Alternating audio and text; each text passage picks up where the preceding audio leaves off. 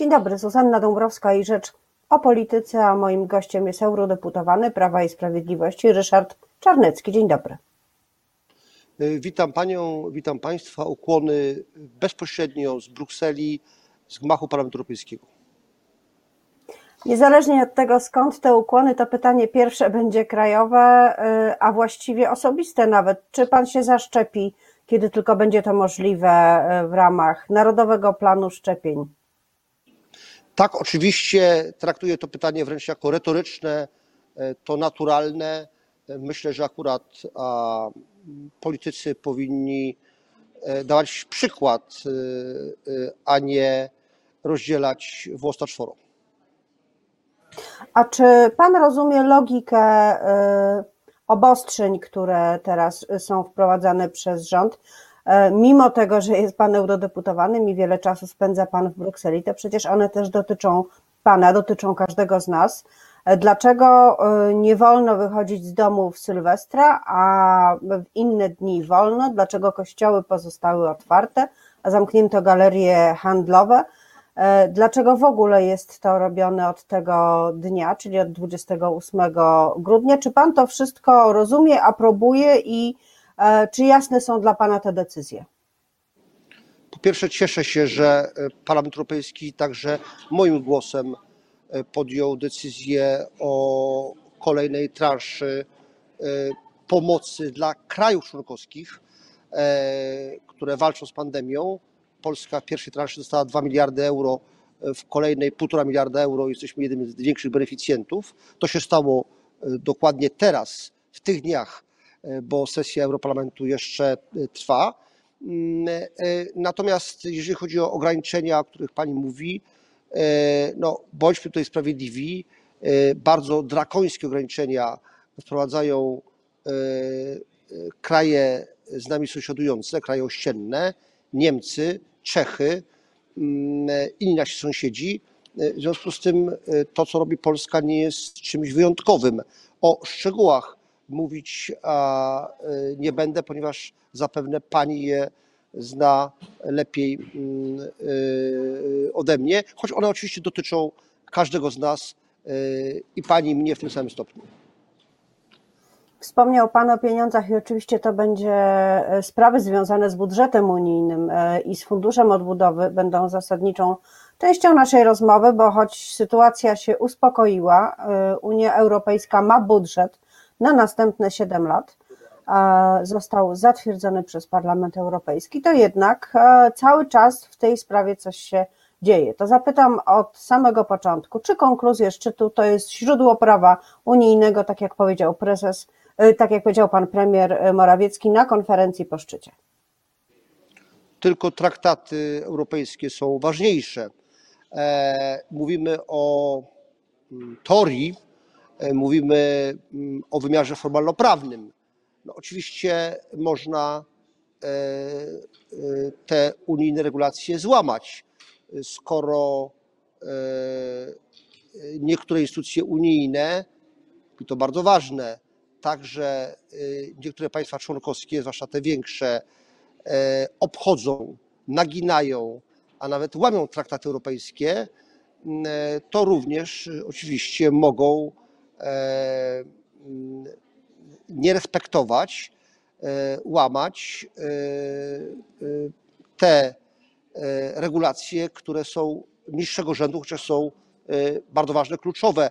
Zwracam uwagę, że mm, porozumienie e, UE 27 z drugiego, tego udanego, mm, a nie pierwszego zakończonego fiaskiem, szczytu unijnego w lipcu w Brukseli, e, zostało tak naprawdę e, podarte wrzucone do kosza, mimo że powinno obowiązywać.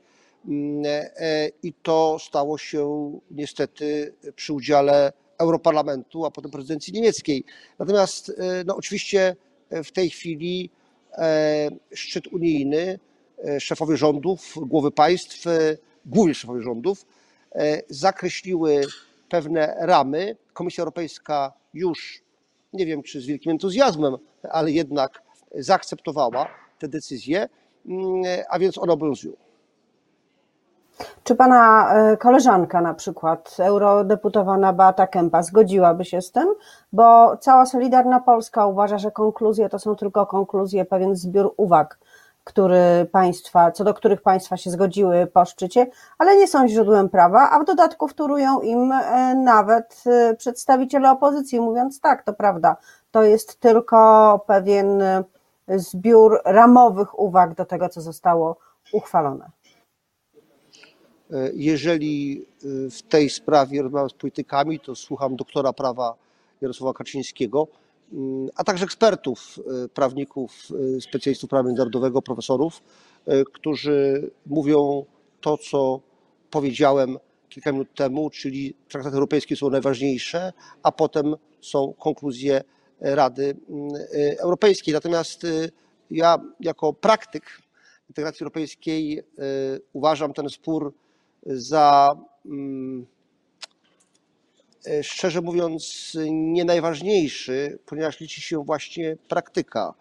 E, można e, mieć bardzo jasne i precyzyjne regulacje na poziomie Unii Europejskiej, a jednocześnie ich nie przestrzegać. Ja mam wrażenie, że przed nami nie jest kwestia E, jakiegoś kazuistycznego sporu, co jest ważniejsze, tylko przed nami jest e, no, pytanie, jak będzie z praktyką przestrzegania tego, co zostało ustalone i co dla Polski jest bardzo korzystne no, w wymiarze finansowym. A przypomnę, już tylko jednym zdaniem, że to jest ostatnie takie 7 lat, e, gdy chodzi o unijną perspektywę finansową, czyli siedmioletni budżet unijny, gdzie Polska będzie przez cały okres trwania tego Mm, y, budżetu będzie na plusie, bo za 8-9 lat, już tym nowej, tej nowej siedmiolatce, mm, to będzie pod koniec tej dekady, Polska stanie się płatnikiem netto. Więc to jest ostatni moment, taki final call, last call, żeby y, tak duże pieniądze uzyskać.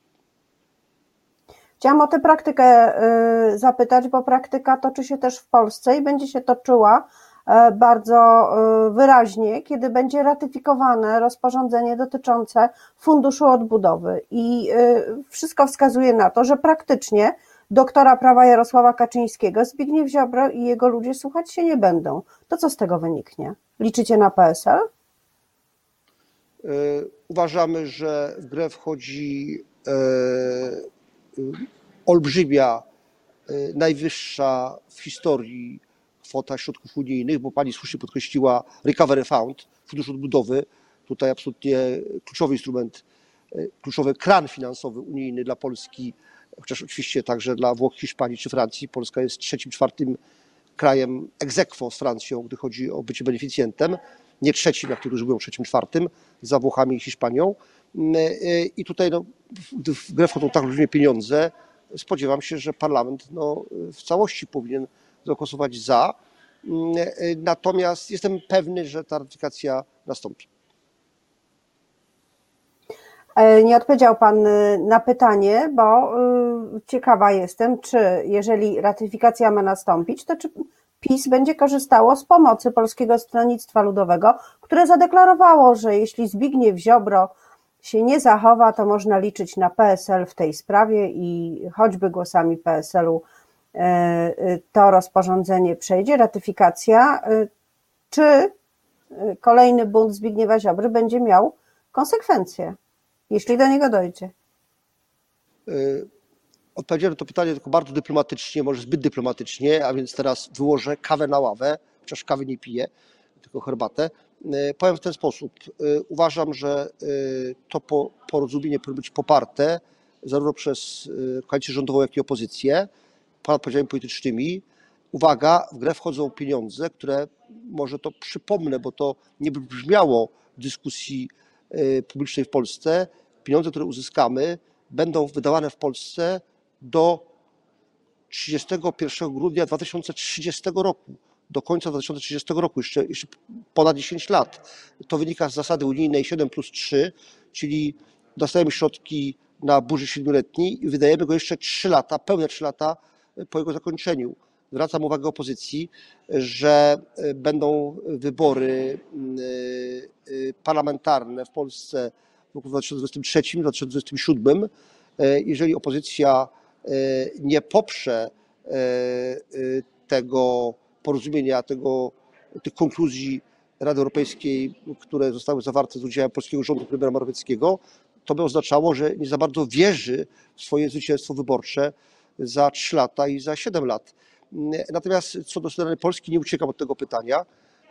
Powiem w ten sposób, że no, skoro przyznajemy prawo od pięciu lat formacji pana Jarosława Gowina, aby różnić się z nami publicznie, może i pięknie, ale publicznie, chociaż w sprawie wyborów prezydenckich i ich daty może to było trochę mniej pięknie, to też bądźmy tutaj symetrystami, szanujmy symetrię, też musimy przyznać prawo różnienia się z nami.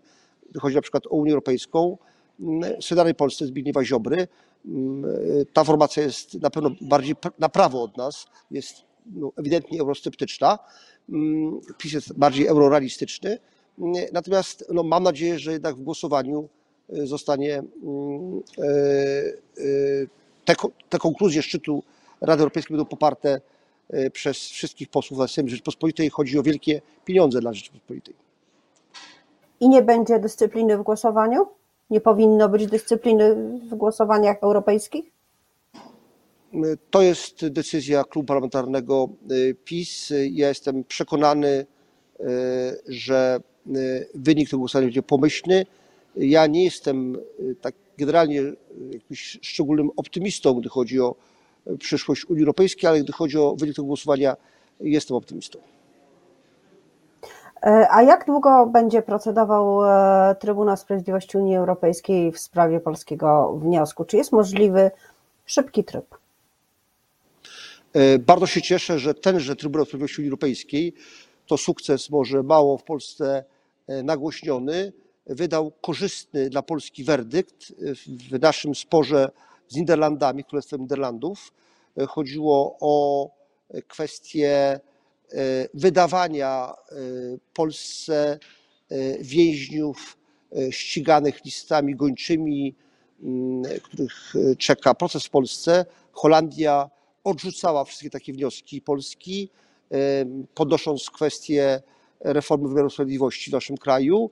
Trybunał Sprawiedliwości Europejskiej w Luksemburgu stwierdził, że Holandia, przepraszam, już od 1 stycznia zeszłego roku Niderlandy robią źle, jednak muszą zmienić swoje postępowanie w tej kwestii. To jest korzystny wyrok TSUE z punktu widzenia naszego kraju. Co do tej kwestii, o której pani mówi, no, Trybunał Sprawiedliwości Unii Europejskiej jest samodzielny. Zobaczymy, jaka będzie decyzja odnośnie trybu, czy będzie to szybka ścieżka, czy też nie. A pan by wolał, żeby była jaka? Myślę, że byłoby rzeczą niezręczną, gdyby europoseł wywierał presję na Trybunał w tej kwestii, więc się Ja się nie tylko o opinię pytam. Ja się pytałam, Yy. panie pośle, tylko o opinię. Nie chciałam pana zmuszać do żadnej presji. Rozumiem W tej kwestii może panią zaskoczę. Milczenie jest złotem i tak to ustalmy. Ostatnia kwestia, y, znowu krajowa, ale oczywiście o wydźwięku y, międzynarodowym. Y, Czy pan uważa, że wyrok Trybunału Konstytucyjnego kierowanego przez panią Julię Przyłębską powinien zostać wydrukowany? Wyrok dotyczący aborcji w tej chwili jest e, clinch, tak to się chyba powinno y, nazywać.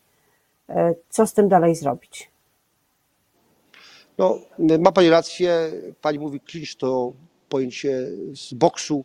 Ja powiem pad, to pojęcie z szachów, ale myślę, że chodzi o to samo.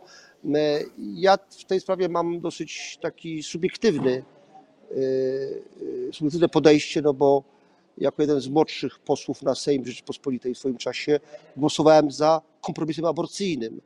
Yy, I szczerze mówiąc, wiem, że szereg kolegów z mojej formacji ma inne zdanie niż ja w tej kwestii, ale uważałem mm, do tej pory, że utrzymanie tego kompromisu aborcyjnego jest na long term, na dłuższą metę rzeczą słuszną ponieważ jeżeli my to wahadło aborcyjne e, przesuniemy w jedną stronę, wychylimy w jedną stronę, to może ono potem pójść bardzo mocno w drugą stronę, e, a myślę, że e, jednak z punktu widzenia także tego, o czym nasza formacja mówi, nie byłoby to dobre.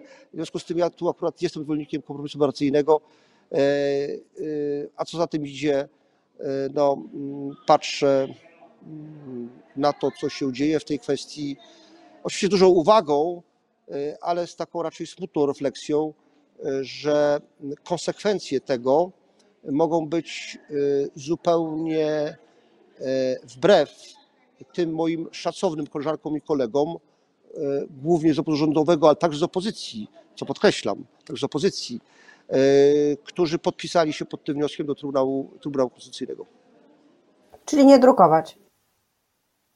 E, Ja nie będę tu nikomu nic e, doradzał, e, natomiast jeszcze raz podkreślam, dla mnie kompromis aborcyjny przy swoich wadach, jak każdy kompromis, e, jednak e, był e, pewną wartością i gwarantował e, może nie taki całkowity, ale jednak e, e, pewien spokój w tym obszarze e, i jego naruszanie jest sporym ryzykiem, może nie na jutro i pojutrze, ale na sytuację za kilka lat na przykład. Bardzo dziękuję za tę rozmowę. Życzę miłego dnia w Brukseli. Moim gościem był eurodeputowany Prawa i Sprawiedliwości Ryszard Czarnecki. Wesołych świąt dla Pani, dla Pani rodziny, dla wszystkich naszych telewidzów. Dziękuję, pozdrawiam. Dziękuję bardzo.